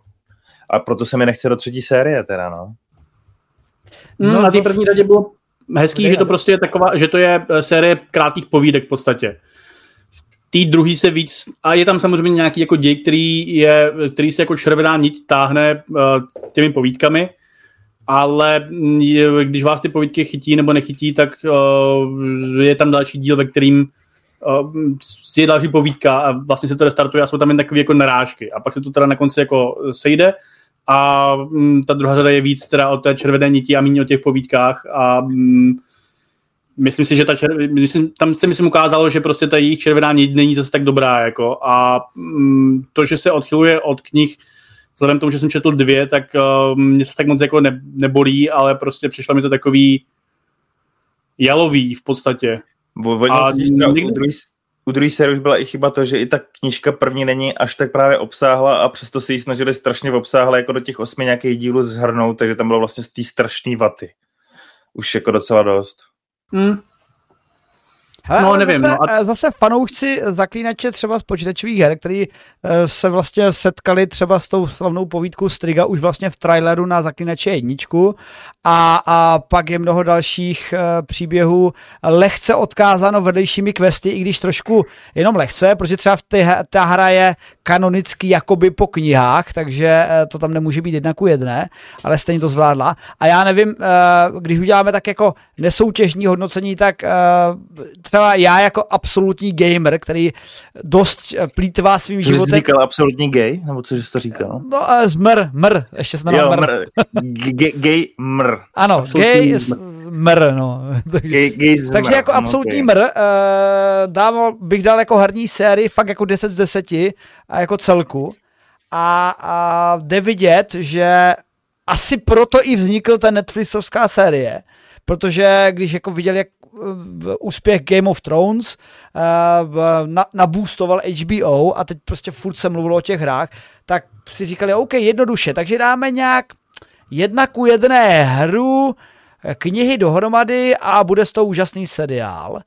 Ale pak se stala taková jako vlastní adaptace. Samozřejmě můžeme si říct, že největší kritika, která se snáší na Netflix, je ne, ta nevěrnost adaptacím, ne, nevěrnost adaptace knihám, protože jsou tam nějaké odchylky. A já se přiznám za sebe, že já svět zaklinače já miluju, to je silné slovo. Hele, miluju Stargate, ale třeba mám rád svět zaklinače a poprvé jsem viděl zaklinače až v počítačových hrách. Nikdy jsem předtím nečetl ani jednu knížku. Uh, přečetl jsem si potom v rámci těch her takový to lore, co ti občas vypadne nějaká ta knížka v tom RPG, takže si vlastně dočteš jakoby tu povídku. A když teď vychází Netflix, tak já jsem třeba Uh, teď přemýšlím, jestli budu dělat nějaký spoiler alert, jakože vždycky zvedneme ruce a neposlouchejte, kdo nechce spoily. Tak já dám, já dám takový jako leh, uh, lehký alert a pak tu ruku sundám a skončí spoil, ale já, já neřeknu ty jména, ale že jeden ten uh, kouzelník vlastně si dá tu velkou bitku se zaklínačem ve trojce a, a neříkám co, neříkám proč, neříkám v jakém kontextu a jsem vrátil ruku. Na no fanouškům knih je to zřejmé, to tam prostě to je jako legendární moment, ale já jsem ty knížky nečetl, takže mě třeba tahle ta scéna ve třetí sérii jako velmi zajímavě no, překvapila, trošku jsem něco tušil, ale jako překvapila mě a přišla mi výborně sehraná a nevadila mě. A pak jsem třeba četl na to kritiky, co na to říkali fanoušci, ale jako, a ty kritiky byly až zase podle mě moc hardcore stylu, jakože třetí otočka v páté sekundě nebyla směrem doleva doprava, ale byla doleva doleva. A jakože přijde už možná ta kritika přestřelná, ale v současnosti si doposlouchávám audioknihy a jako uvidím, jestli se můj ten názor změní nebo nezmění, ale jako člověk, co nečetl knížky, není uh, lore psychopat na zaklínače, tak si myslím, že to jako nebylo špatné zpracování a vlastně nemůžu poznat, co je špatně. Tady je ale dobré zmínit, že to by se líbí i ten zaklínač, který se nelíbí nikomu jinému na světě. A to je za tebe? Narážíš na to, že se nikomu nelíbí polský seriál, který u nás třeba fandové pravověrně... Ne, ne, jak se jmenuje ten spin-off? Jo, uh, Blood Origin, Ježíš Maria. Počkat, počkat, počkat. Pšt, na, chlapci, na, na, na, to teď nesaháme, na to sáhneme za chvilku, na to se těším. Kvůli tomu, kvůli Blood Origin vznikl tenhle ten pořad. Kvůli tomu možná přijde Láďa o titul uchyla, ale jako... Ano. A přesune se na tebe. Ano, už se na to těším. Ne, hele, tak zůstaňme u toho. Já jsem jakoby svůj názor řekl. Já jsem z první série Zaklínače byl spokojený. Pokud by to takhle fungovalo dál, tak si to užiju. Druhá série byla pro mě taky značně ambivalentní. Odzýval jsem to a byl to pro mě seriál, který měl hodnotu jakoby líp produkčně udělaný prostě soap opery, u který jsem dokázal, já nevím, si nachystat jídlo na další den, jako sklidit si prádlo a moc jsem to nemusel štukovat a v tu chvíli, když přicházela třetí řada, tak jsem zjistil, že mi jak šumák a jestli teď už konečně někdy zkouknu, tak se bojím, že budu mít stejný pocit a a bude mi to jako ukradený. Já mám rád takový ty seriály, které mě dokážou vtáhnout, zmiňoval si hru o trůny, tak jsem se prostě na každou sérii těšil, těšil, co přinese dál a třetí série mě takhle vůbec neláká teda. Hlavně jako na té třetí sérii mě, já nejsem teda nějak jako ujetej na to, že seriály musí být dokončené, já si myslím, že mnohdy i cesta může být cíl. Nicméně to, že prostě všichni víme, že uh, Kavil skončí, mě tak nějak jako neúplně nabuzuje do toho, abych si to doplnil. Ještě když ho nahradí za Liama Hemswortha, to znamená za Bčku A to je jako, to, tak to, to, může to být shit, ale jako soudil bych to až ve chvíli, kdy on nakonec se může uka- Já si pamatuju velice dobře, uh, ano, je to ultimátní příklad, uh, extrémní, ale pamatuju si, když lidi hejtovali uh, Heath Ledgera za to, že bude Joker. Jo, no, takže jasně. jako na zaklinačovi může být spousta Michael Keaton jako Batmana. Nový, nový představitel. Ale, ale pozor, pozor, pozor, pánové. dopisů. A o, určitě si jako praví geekové vzpomenete, že e, e, když, měl, když se teprve produkoval Witcher od Netflixu, tak i Henry Cavill nebyl zrovna oblíbenec u lidí, protože ano, velice. milovníci, ano. milovníci jediného správného zaklínače, samozřejmě, samozřejmě Michala Žebrovského. Ano, je šlachovitý, je svalnatý a, má, a je málo hnusný, protože v knihách, no. hele, v knihách je vysloveně popsaný e, Geralt jako týpek plavého zjevu s čelenkou, který jako nevypadá zrovna sexy a pak tam dají prostě Henryho fucking Kevila, který, u kterého začínáme Který jsme mimochodem v jednom novém videu na Nerdopolis zařadili na druhé místo chlapu, se kterým bychom se i my možná vyspali, kdybyste chtěli hledat na YouTube Nerdopolis zajímavý obsah, jo? To není, kdo, kdo je na prvním místě? Tom Cruise. Podívej se, Tom Cruise není no. ani v desíce. To je chyba. Um, no pak nebudeš mít, pak nebudeš vyšší tetan. Ale uh, ne, tak, ale tak ty adaptace, jako zas, to jako, ano, to, ale právě proto je dobrý prostě počkat až na, te, až na ten finální produkt a hodnotit až po něm a ne hodnotit před ním. A takže jako prostě ten nový člověk, který ho nahradí, tak třeba jako nebude špatný. Jo, to jako by byla chyba prostě soudit jako dopředu, ale uh, prostě už to nebyl ten Kevil, ke kterým jsem si vybudoval ten vztah. Takže prostě se úplně, mě to úplně netáhne k tomu si dokoukat tu třetí řadu, když vím, že prostě dojde na tady tu zásadní změnu a když prostě vím, že mm, a když jako nevím, jak, ani, ani jak to obhájí, jo, což je jako další věc, prostě kdyby Mají to prý nějak strašně brutálně vymyšlený, že to tam prý no, pak strašně ale, sedne a všichni si z toho ano, sedneme na zadek a já jim to ano, právě nevěřím už. Jako taky jsem to četl, ale vzhledem tomu, jak strašně brutálně byl vymyšlený ta červená nic v tom seriálu obecně, tak jsem vůči tomu poněkud skeptický, vůči tomu uh, vysvětlení a um, jako dovedu si představit nějaké jako možnosti, kdybych já byl samozřejmě showrunner, což naštěstí nejsem, ale uh, nějak prostě už jen tady ta skutečnost mě k tomu jako nelákává a radši se dívám na nějaké jiné kvalitnější seriály. Mm-hmm. Souhlasím. Já, já když bych to schrnul, za mě první série 8, druhá série 5 a třetí nikdy uvidím. Mohl by nám teda Jaron jako k třetí sérii něco říct, jak, jak to on vidí, nějak to zhrnout? Proč, Hele, proč to vidět? Má to cenu vidět? Proč to vidět? Hele, já bych... Uh, uh, já jsem zase trošku jiný pohled, že mě ta první série, takhle, já u toho mám podobné pocity, jako ten tvůj kamarád u Gran Turisma, že to prostě pařil a strašně na to jako visí. Říká, no viděl jsi to, viděl jsi to. A ten, ten pocit u toho mám jako hráč, že říkám, no to je odkaz, tam je lehký odkaz na hru, no to je úplně úžasné a skvělé. A, takže první sérii bych nedal třeba tolik a já zase nejsem takový kritik druhé série. Mně se vyloženě ta druhá série líbila víc než ta první, takže jsem asi trošku divnej.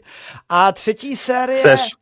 Třetí série, no, je taková já nevím, hele, pro mě, já, já to dokážu třeba hodnotit celý, což mimochodem asi bychom v rámci tohle seriálu nebo tohle způsobu hodnocení asi měli, takže protože se mi nechce vytvářet tři nové položky, takže bychom podle mě seriálu Netflix měli dát jedno jednolité průměrné číslo a v tom kontextu uh, já mu dávám, já mu dávám, jako já se bojím mu dát 8, aby mě lidi neodsoudili ale eh, já mu dám 8. Stůj si za svým názorem? Já, já si stojím za svým názorem. Hele, jako ano, udělal bych jiný cast, udělal bych jiný casting.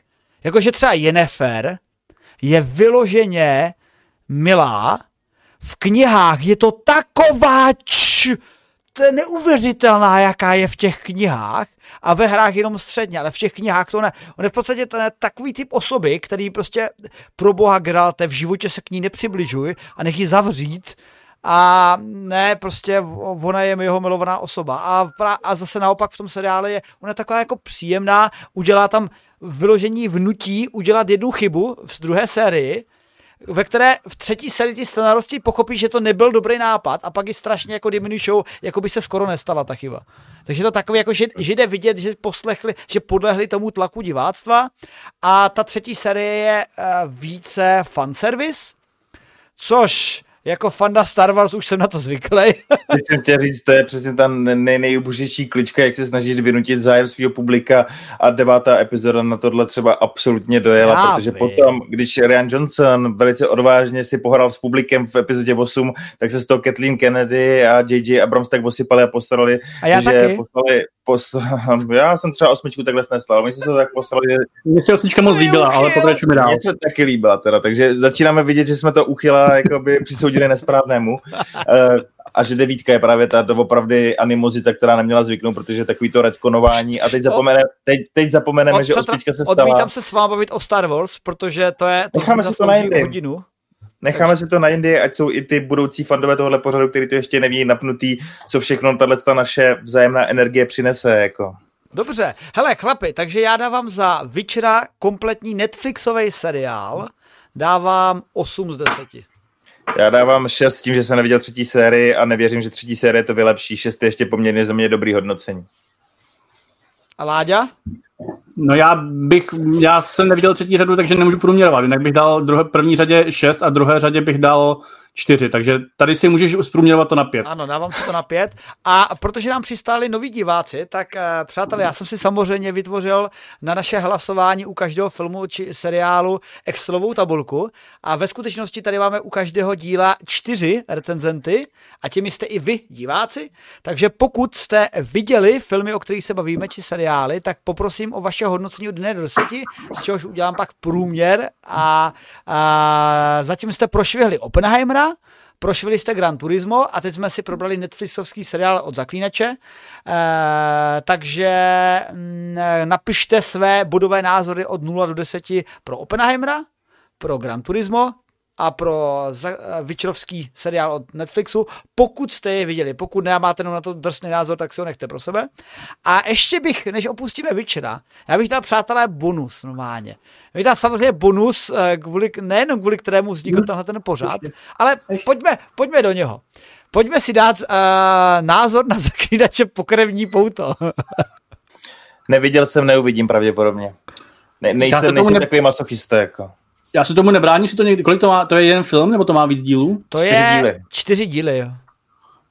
Jako, mm, někdy, kdybych byl prostě, já nevím, na pustém, jako takhle, třeba já si uh, asi tak rok zpátky, nebo dva roky zpátky, uh, já mám takovou jako super věc, uh, odbočka stranou, ale vrátím, ale pochopíte proč, o tom mluvím, že vždycky platím uh, za internet peníze až ve chvíli, kdy mi přistane SMS, že mám, uh, že mě odpojují. Já dám spát malýho, povídejte si dál, jsem za chvilku ano. zpět tak skvěle, že to neuslyšíš.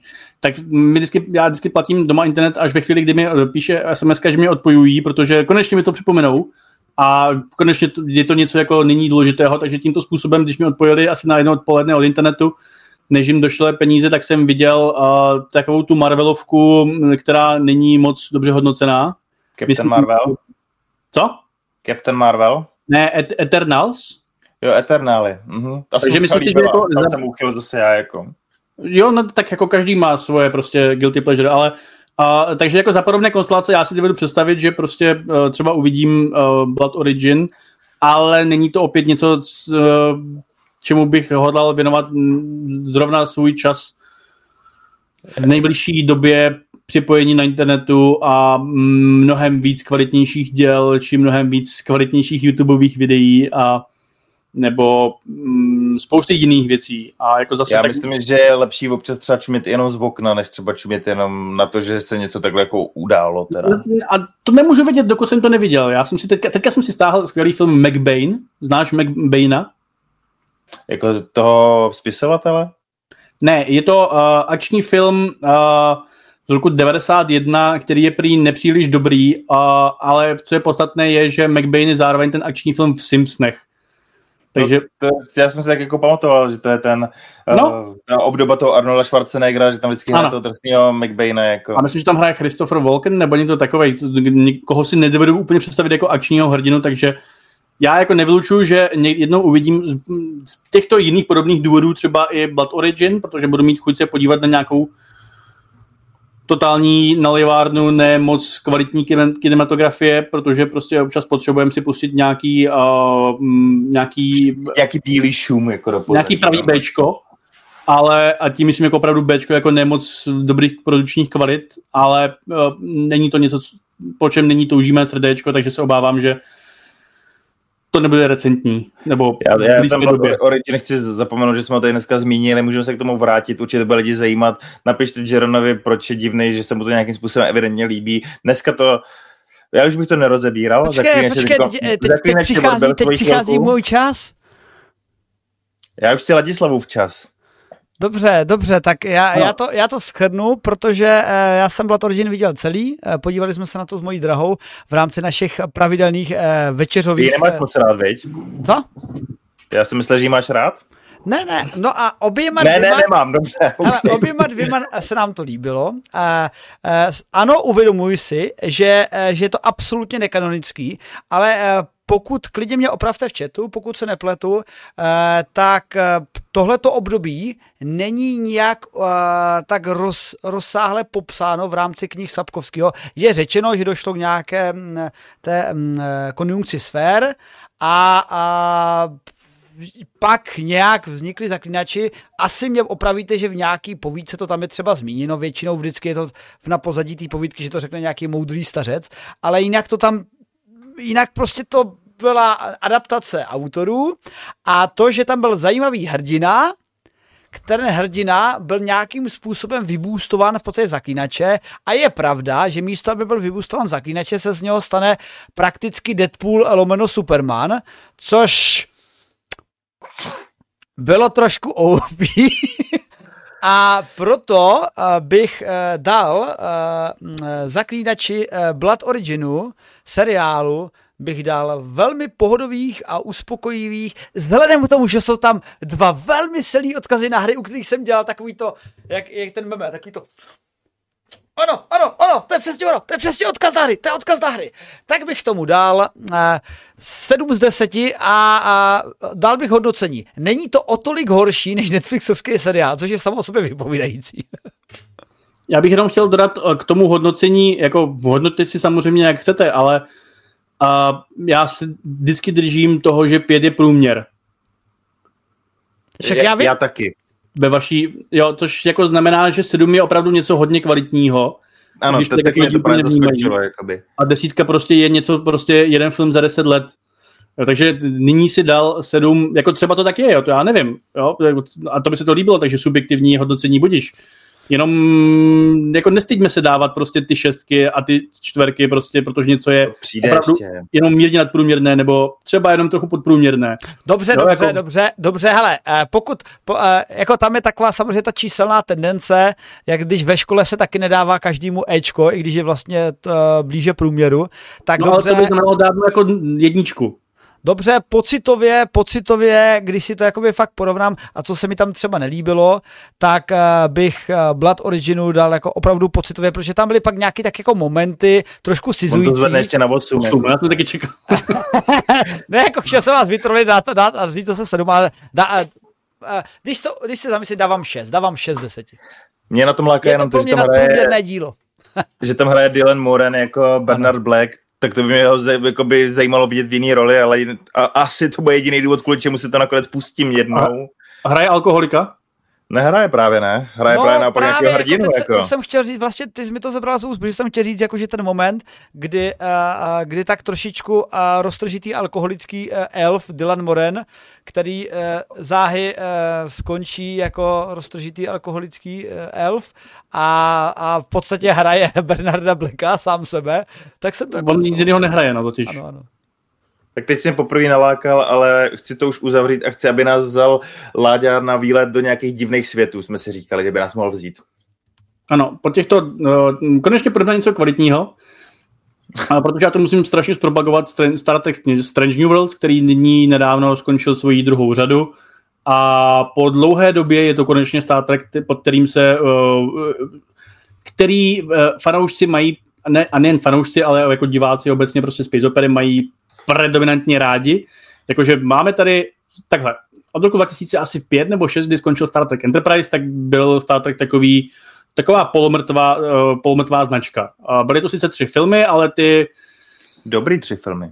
Uh, byly to tři filmy, z nich minimálně jeden byl uznávaný jako dobrý a, ten posl- a pak byly nějaký další dva, kde ty názory byly obě, ať už se nám líbily nebo ne, jo, každý má prostě svoji uchylárnu ale rozhodně jsou, eh, rozhodně ten prostřední uh, Into Darkness je o něco méně, je, je, je, po ně, je z nich asi jako braný nejslabší, což u trilogií většinou bývá opačně. A ten poslední sice, sice se o něco snažil jako trošku nějak jinak, ale vlastně jako taky to vyšlo trošičku nějak jako, rychem, nějak jako rychý. A pak teda přišel Star Trek Discovery, který se hodně inspiroval tou estetikou a vyprávěním těch filmů. A mm, setkal se, fanoušci tomu mnohdy vytýkali, že tam zase došlo nějaký redkony a Klingoni zase vypadají trochu nějak jinak a e, vypráví, je to vlastně prequel, takže to opět, vypráví období uh, ze starého před Kirkem prostě z toho nejstaršího, star, no, nejstaršího vydaného Star Treku a Le v druhé řadě tady toho a, a mnoha z těch kritik, no, mnoha z těch výtek se jako dá samozřejmě souhlasit. Nicméně v druhé řadě tady toho Star Treku uh, Discovery se objevil uh, se byla Enterprise, kterou pilotoval, kterou kapitánoval kapitán Kirk, a uh, Kirk, uh, Pike, pardon, a, tam, a to byl takový stealth pilot pro Strange New Worlds, který následně o pár let později jako teda přišel a zatímco ten Discovery se tak nějak jako, jednak se teda hodně inspiroval tou estetikou těch filmů, ale zároveň to byl taky jak, takový jako hodně temný.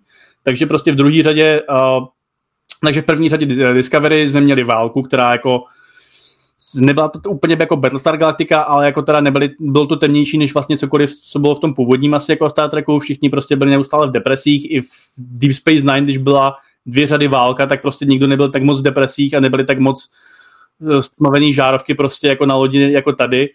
A eh, prostě bylo to takový, jako nesedlo to řekněme v nějaké části, nevím jako, jak to počítat, protože to nakonec má pět řad, takže asi někdo se na to musel dívat. A no, bude to mít pět řad. A pak teda byl Picard, který jako byl vlastně taky hodně temný a víceméně uh, první, každá z těch řad Picarda je vlastně jako odlišná, třetí řada je masivní fanservice, ale aspoň je to fanservice, zatímco druhá řada je taková jako divná cestování časem a první řada je, je v podstatě Mass Effect, ve kterém místo, kap, místo komandera Sheparda hraje uh, starý uh, kapitán Picard, který prostě je takový jako už jako... Rozsypaný. No, jako působí, že mm, jako lép, řek, takhle, mnohem lépe jsem, mnohem více jsem mu věřil uh, senilního profesora X uh, v Loganovi než uh, kapitána Picarda uh, schopného. No a, a není, to, není to podobný efekt, když uh, je Indiana Jones, kde Harrison Ford také už nevypadá úplně nejmladší? Ne, to, to, to, no, je to možné, já jsem neviděl posledního Indiana Jonesa samozřejmě, t, a, ale jako pokud v posledním Indiana Jonesovi on byl hodně senilní a zapomínal, tak to je dobré obsazení Harrisona Forda a pokud ne, tak je to možná méně dobré obsazení Harrisona Forda i Fonda. Ale uh, tady z těch prostě pokusů uh, uh, víceméně mě to připadá, že tak jako zkoušeli různé cesty a ukázalo se, že ne všechny, že mnohé z nich nefungují. Uh, tak zešel přeci jenom nakonec něco dobrého a vzešel Strange New World, který se za prvé uh, je to optimističtější, odehrá se to teda po té válce z té první řady Discovery, uh, jo, Discovery, a je to optimističtější, co je podstatný ještě víc, je to episodický. Jako je to eh, zvláštní, ale po mnoha, eh, po dvou dekádách, kdy jsme se jako eh, zpočátku těšili na to, že máme seriál, ve kterém se pokračuje děj z dílu na díl a je to vlastně celý jeden dlouhý film. To mě baví nejvíc to... vždycky, jako já si přiznám, že ve Star Trekovských, Stargateovských a všech seriálech mě ty epizody strašně nebaví, protože já mám rád takový to eh, epický pozadí v, eh, v celém ne, příběhu super, a třeba, to, a třeba ty... zmíním, že u Enterprise to pro mě bylo to nejlepší v starém seriálu, co tam bylo. No ne, takhle, když to funguje, tak je to super, ale jako teď už je to vlastně všude. A naopak, když se objeví episodický seriál, ve kterém opravdu přiletí na nějakou planetu týdne, která je po každý jiná a tam mají nějaký jednoduchý morální dilema, který nakonec vyřeší nějakým, ať už technoblábolem, nebo hrdinstvím, nebo obojím dohromady a na konci zase jako odletí. A on tam jako je samozřejmě nějaký jako trochu kontinuální příběh z dílu na díl. Jo, ale jako není to, je to víc trochu jako ve vězní bráně, kde jako taky byly nějaký prostě kontinuální uh, části, v tom jednom dílu, jakože třeba zmínili, no a teď stavíme prostě nový křížník a pak se osm dílů si ho třeba jako teprve viděl. Jo? Nebo zmínili prostě, že se tam jako něco podobného děje v pozadí, ale vlastně to gro, ty hlavní epizody bylo o něčem jako víceméně jiným. A, a víc to prostě bylo o tom, že každý týden je, a to je vlastně strašně jako osvěžující, jo? že přijít a nemusíte nutně vědět, co se teda stalo v tom minulém díle, a hodí se to, protože tam dochází na nějaký vývoj postav, ale hlavně je to prostě jako, je, je, je to dobrodružství. Není to dobrodružství, kdy prostě přijde, který trvá 10 dílů a má to prostě, je to pokračující jako e, neustále a musíte vědět prostě, co tam dělali minule, ale je to dobrodružství, který trvá prostě těch 40, 50, 60 minut a na konci to skončí a nějak, má to nějakou pointu a je to prostě milý, e, že se na hodinu vypnete do jiného světa, ve kterém uh, hezcí a hrdiní a chrabří, a to je to samý, a inteligentní uh, důstojníci vězné flotily uh, řeší problémy a, a vyřeší je. Jo, jako, a není to prostě jako o tom, že by ty deset dílů jako řešili, co to mají, mají dělat, prostě jako je dneska jako v modě.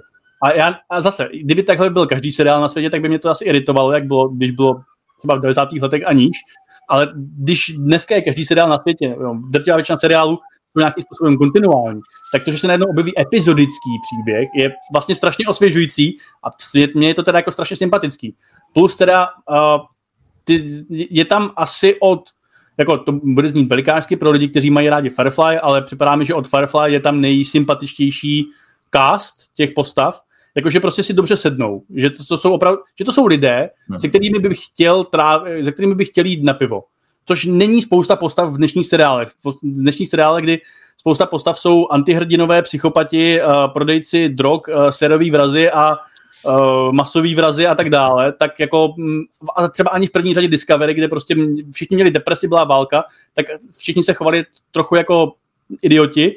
A bylo to pochopitelné v rámci děje, jako jo, drama prostě dobrý, ale najednou prostě v tom Discovery, jako eh, Discovery, najednou v tom, v tom Strange New Worlds máš postavy, kteří, které jsou sympatické a chtěl by si s nimi jít do toho jejich krásného estetického lodního baru, dát si prostě ty, ty, ty, ty, to svítící pivo, nebo co oni tam mají, prostě nějaký jako modrý. Chceš jít a jsou to všichni esteticky velice uh, pleasing lidé, jako chtěl bych s nimi lítat po galaxii a mimo mnoho jiných věcí, které bych s nimi chtěl dělat.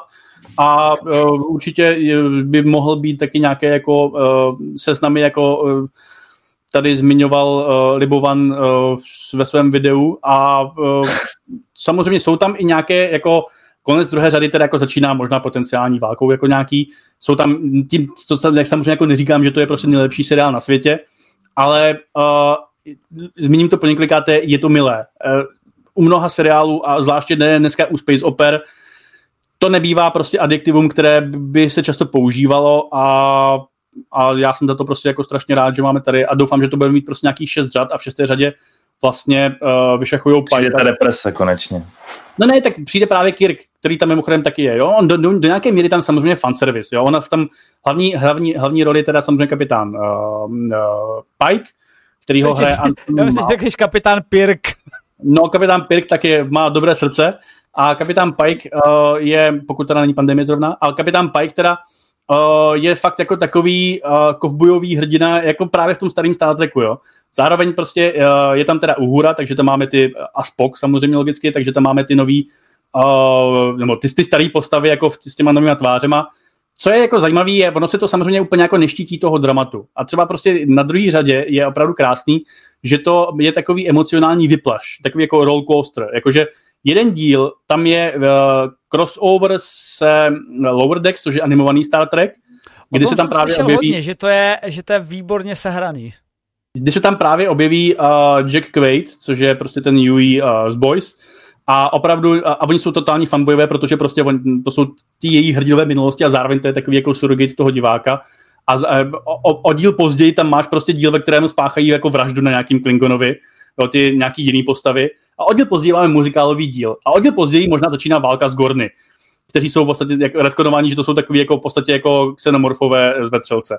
Jo, takže jako ono se to jako úplně nebojí těch, uh, těch temnějších částí, ale je to rozhodně uh, epizodičtější a milejší, než by se jako dalo možná čekat z toho, že prostě tam občas se obděje nějaká ta vražda nebo genocida nebo válka. A fakt jako mě to, prostě feelingově mi to připomíná hvězdnou bránu jako SG1, v tom smyslu, že tam jako samozřejmě taky byly nějaký temnější momenty, ale zase jako moc to na, na nich nelpělo. Neměli z toho zase takový jako masivní traumata, jako bychom asi měli my, kdybychom prostě pracovali v SGC nebo kdybychom pracovali na palubě jako Enterprise. A jsou to ti hrdinové opět, ke kterým můžete zhlížet.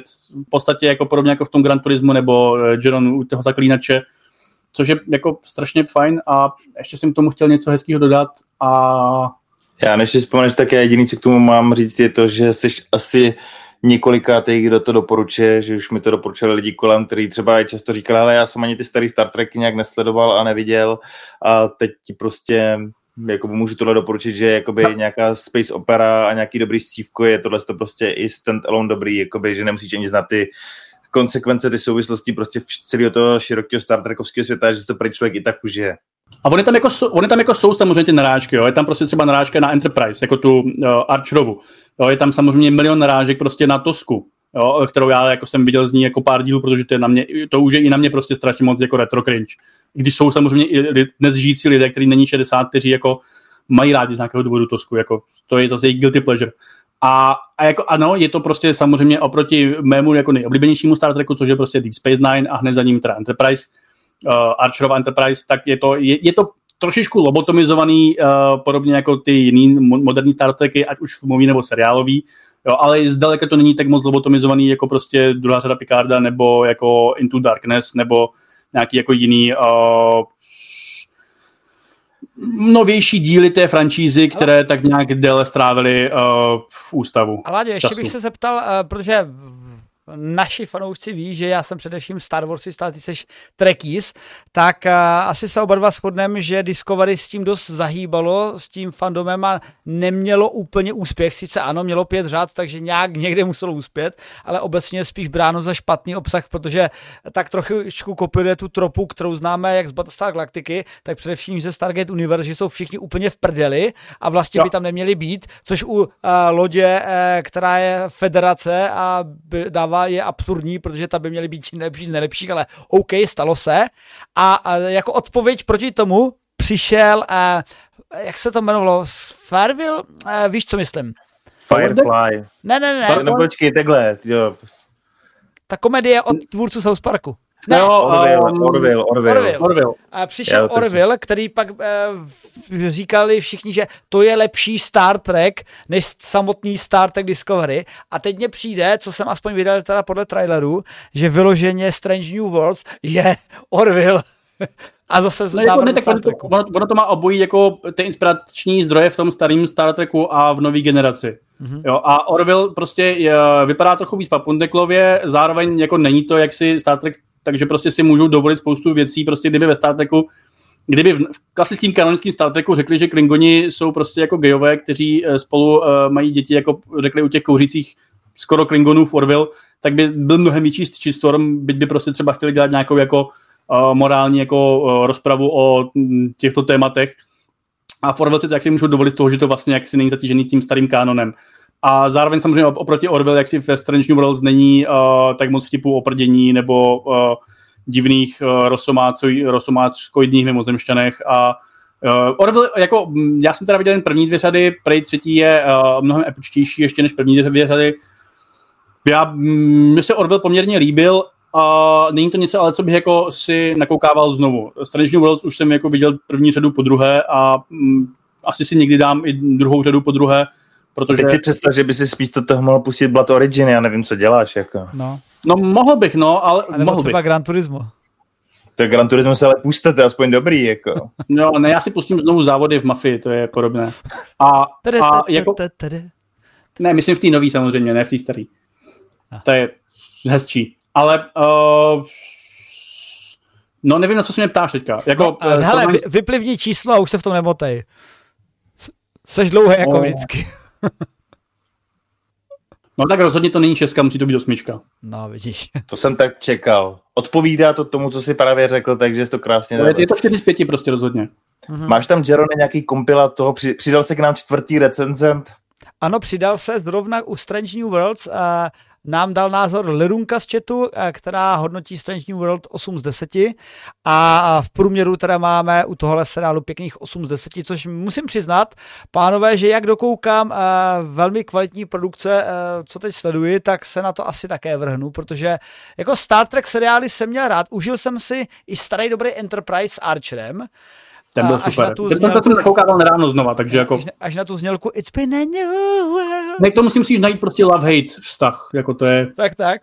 Ale eh, vynechal jsem Discovery, protože možná mě i trošku zastrašily recenze a názory e, veřejnosti, ale jak vidíte, jsem odvážný chlapec, ne, ne, nezastrašili mě u zaklínače a proto si Strange New Worlds a Picarda určitě také plánuji dát, protože Picard mě přijde jako takový nostalgy train. Takže... Tak vynechej druhou řadu, ale tam je jako podstatný, že každá z těch řad je vlastně úplně o něco, o něco jiného. Jako to je prostě vyloženě každá z těch řad, jak kdyby byla jiná antologie.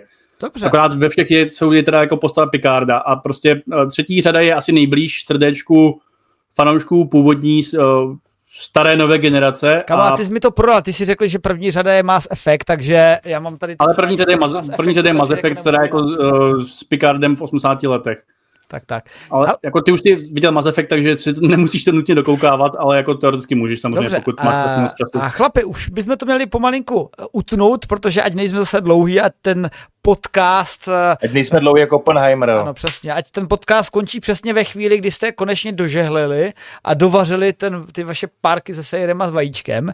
Tak eh, Uj. ještě dávám poslední výzvu pro fanoušky. Eh, dneska jsme si zarecenzovali filmy Oppenheimer, Gran Turismo, seriály Netfli- Witcher od Netflixu a Blood Origin od Netflixu a také seriál Strange New Worlds. Pokud, na to máte, pokud jste je viděli a máte na to nějaké názory, ještě nám napište do chatu a my to tam eh, zhodnotíme a zprůměrujeme do našeho velmi důležitého zásadního hodnocení pro tyto díla.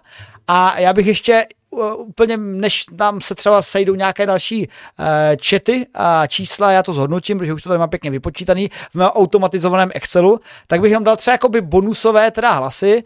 Uh, Star Treky jsem teda neviděl a musím se dokoukat, těším se na ně, ale přiznám se, že jako milovník kánonů jsem tak trošku nasraný na J.J. Abramse za to, co provedl se s filmama a že zničil a vulkán. Ty chceš mluvit o vulkánu, já vím, ale on má výmluvu, že to je alternativní realita. A dobře, a, tak a to mě přišlo jako člověku, který právě nelpí na minulosti a musím se přiznat tomu, a veřejně jsem to přiznal třeba i teď na pevnost konu, že právě zrovna velký treký nejsem a viděl jsem sice všechny filmy, jako fakt jako od prvního do desátého, kdysi dávno jsem sledoval i novou generaci, ale tak ten kan je mi poměrně cizí a jakoby neznám přes té základy toho příběhu, takže to, že přišel J.J. Abrams a tady poměrně ještě na jeho poměry sofistikovaně prostě ten příběh obrátil pro tu novou generaci, tak mě třeba jako rozhodně tomu Star Treku přilákal víc, než jakoby původní obsazení se Shatnerem teda.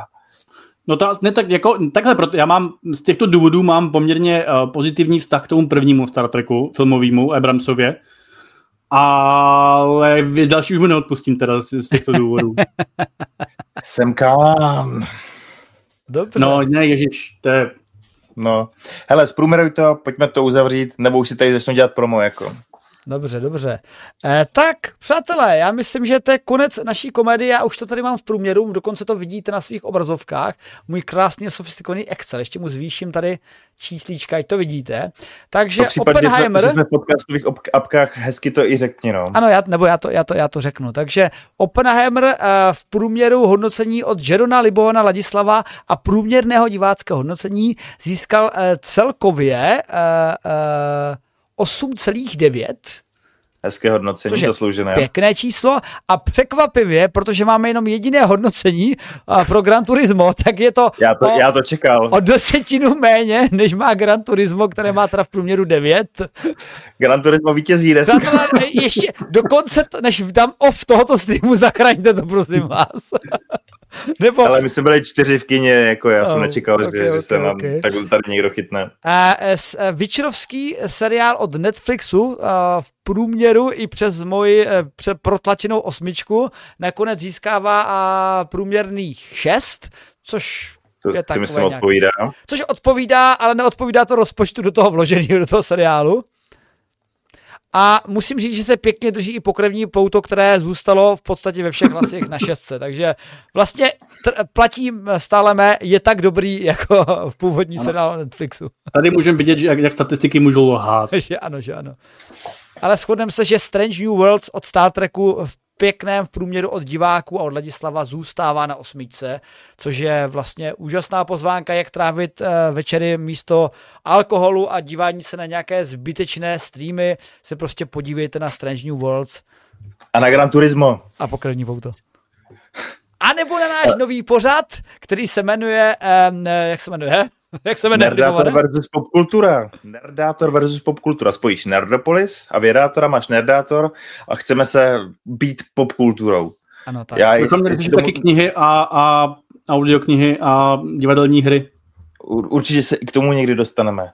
Je to začátek určitě hezkého pořadu, který bude vycházet pravidelně, až nám dojdou filmy a seriály. Dostaneme si k knížkám, komiksům a zapadlým časopisům alá květy a podobně. No.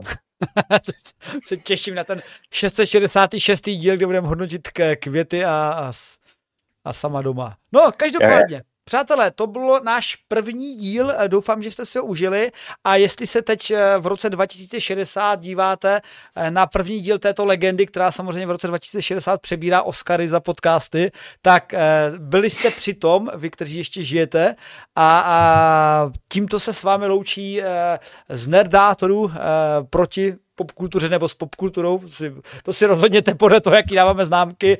Jeron, vydátor.